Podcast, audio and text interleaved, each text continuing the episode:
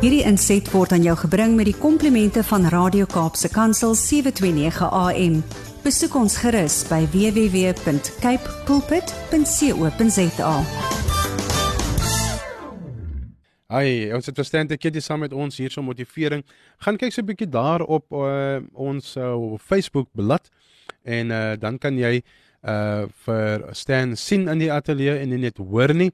En uh, dan kan jy sien wat 'n mooi trui hy vandag aan het. Is dit nie wonderlik nie dat ons net sommer so kan uh net ehm um, celebrate dit wat ons sien.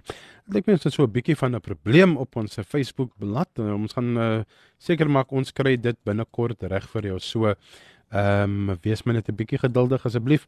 Ons gaan daai uitsorteer. Maar jy kan nog steeds vir ons hoor hier op die liggolwe van 729 AM en uh, ons is nou tans lewendig op Facebook. So vinnig het ons daai opgelos. Dankbaar aan die Here daarso vir dit. Goeiemôre Stan, welkom hier so op die program saam met ons. Baie goeiemôre Dimitri en Kurt en ook aan ons luisteraars. So vandag my broer, weer eens soos altyd, wat lê die Here op jou hart om saam met ons te deel? Man, die Here lê baie wonderlike goed op my hart. En is dalk goed wat mense nie wil hoor nie. Hm. Jy weet want uh ek dink ek het dit al genoem. As jy iemand wil help, dan moet jy die waarheid met hom praat. As jy jouself wil help, dan moet jy praat wat hulle graag wil hoor. Met ander woorde, ek moet mense gerus stel terwyl daar nie gerusheid is nie. Ek ek wil ook vir julle sê dat ehm um, ons as kinders van die Here het 'n groot verantwoordelikheid teenoor die woord van God en teenoor hom. Dit gaan nie altyd net ehm um, oor myself nie. Dit gaan werklik net oor God en hoe hy my lewe vir my vat en hoe dit vir my 'n riglyn is, sy woord op waar waarop ek kan staan. Byvoorbeeld soos ek eh, ek weet vir 'n feit dat in 'n gemeente is die ouderlinge se plig wat op die muur staan om te kyk of die vyand aankom en wat gebeur sodat hy die mense aan die binnekant kan kan waarsku. En ek ek ek kom ver oggend en ek is nie daar om vinger te wys of iemand te blameer nie. Maar ek vra as ek sien hoe mense vrees het vir dit wat aankom in die wêreld en as jy met hulle praat Dimitri, liewe luisteraar, julle sal seker weet daarvan.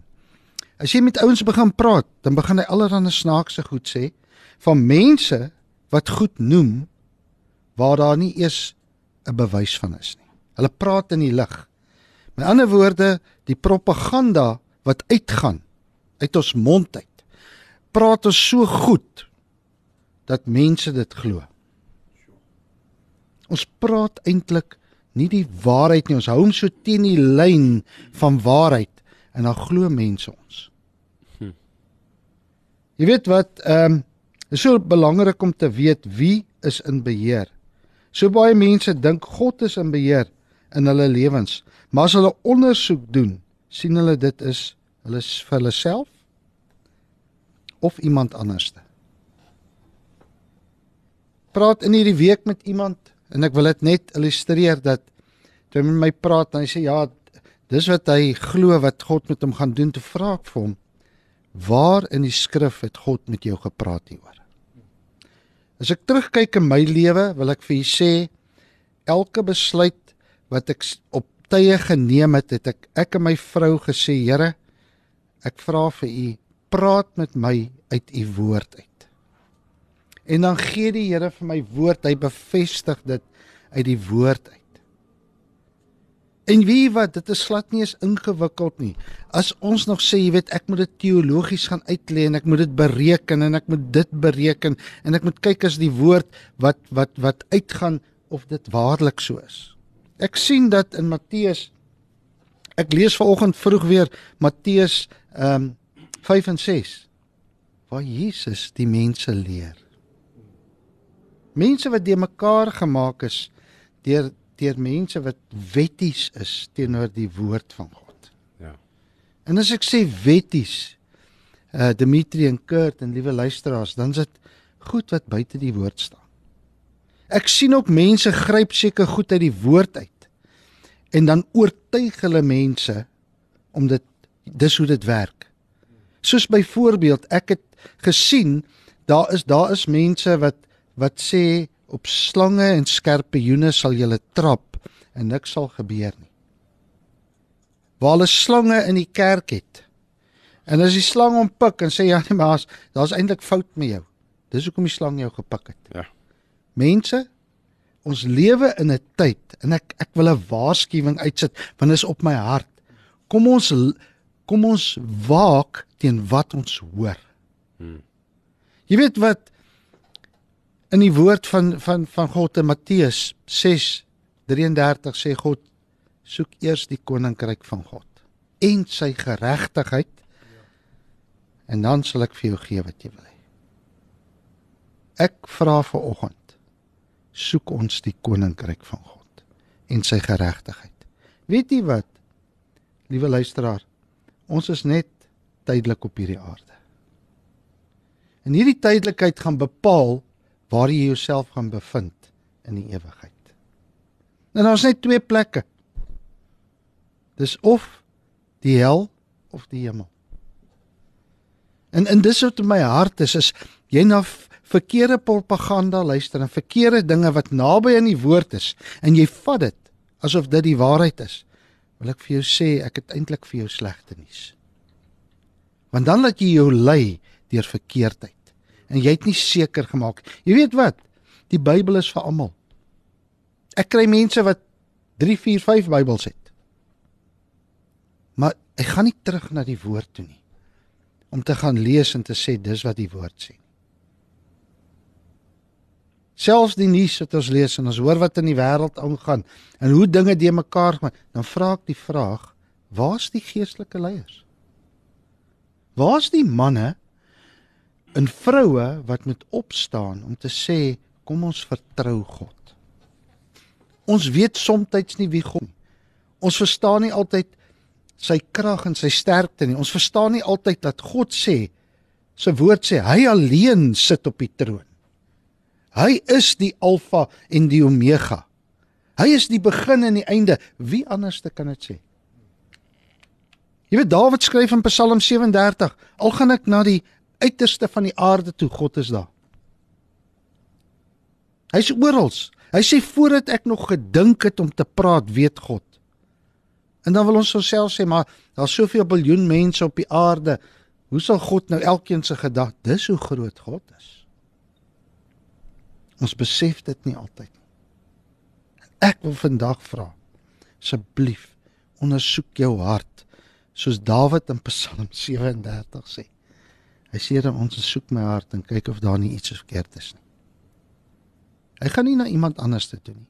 Hy gaan na God. Hy gaan nie na sy broer toe en sê kyk hier by my, sê vir my is daar iets verkeerd nie. Nee. Hy gaan en hy gaan staan voor God en hy sê Isak. Hm. Ondersoek my. Want baie keer het ek my eie gedagtes hoe dinge moet werk terwyl God vir my iets anders het. En dan mis ek dit. En as ek dit doen wat ek graag wil doen en dit loop verkeerd, dan s'ek vinnig om die blame te plaas op God en sê maar ek het gevra en dis wat ek gaan doen. Weet julle wat? Ons skryf vir God voor hoe ons se ding sien. En ek sê dit onomwonde vir oggend en ek weet dat kan kritiek kry daaroor, maar ek het nie 'n probleem oor die kritiek nie. Ek gaan ook nie met iemand stry daaroor nie. Al wat ek vir u sê is, kom ons vertrou hom op sy woord. Hmm. Dawid en ek gaan altyd terug na hom toe. As ek sien hoe hy by God kom staan het en met God gepraat het. As ek sien hoe Matteus, Markus, Lukas, al hierdie manne Johannes het nie gedoen enige iets buite kan die woord nie. Hy het 'n prys betaal. Hulle het hom doodgemaak vir die waarheid. En dan wil ek vir u sê, ek het nie 'n bekommernis nie. Daar kan enigiets my gebeur solank ek net die waarheid praat. Hm. Die waarheid van die woord maak jou vry. As ek gaan na die wapenrusting van God. Hy sê op jou hoof die helm van verlossing. Met ander woorde, die jou denke. Jy's verlos van dit wat jy altyd gedoen het.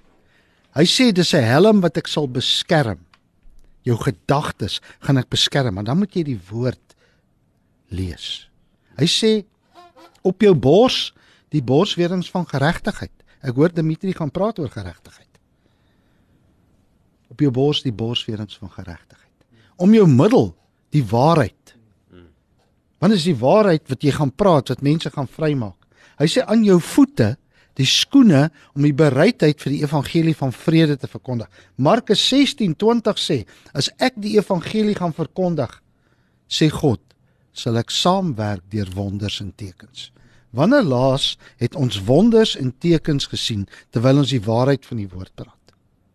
Voor my die skild van geloof waarmee ek die vuurige pile van die bose sal uitblus. En die tweesnydende swaard, wat is die tweesnydende swaard? Dis die woord van God. Hy sny twee kante toe mense. Ek wil vir u vra dat daai woord op die tafels van jou hart geskryf is. En wanneer hy op die hart jou hart geskryf is, dan is jou denke reg. En dan kan jy God vereer. En wie net om op te gestaan het ver oggend, wil ek vir u sê, is is is 'n is 'n teken dat God jou opgewek het mm. vir hierdie dag. En dan wie wat as net 'n ding wat sommer by my opkom, as jy jou naaste liefhet soos jouself. Hoe dink jy aan jou naaste, mense wat om jou is? Kritiseer ek, wys ek vinger? Wat doen ek? Regverdig ek my woorde as ek sekere goed sien? Nee. Die woord sê juis wat ons moet doen.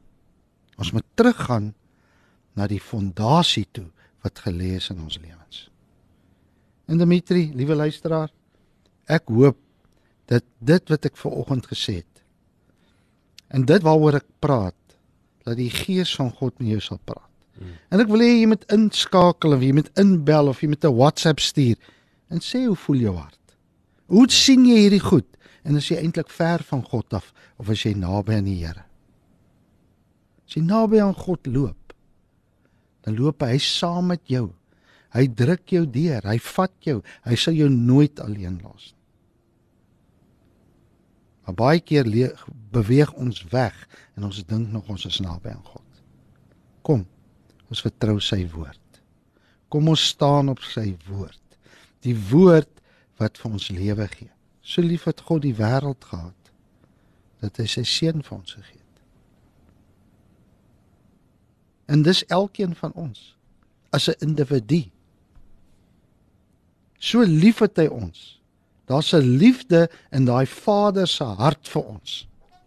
En baie keer wil ek vir julle sê, dan draai ons weg van daai liefde af. So liewe luisteraar, dis my woord vanoggend.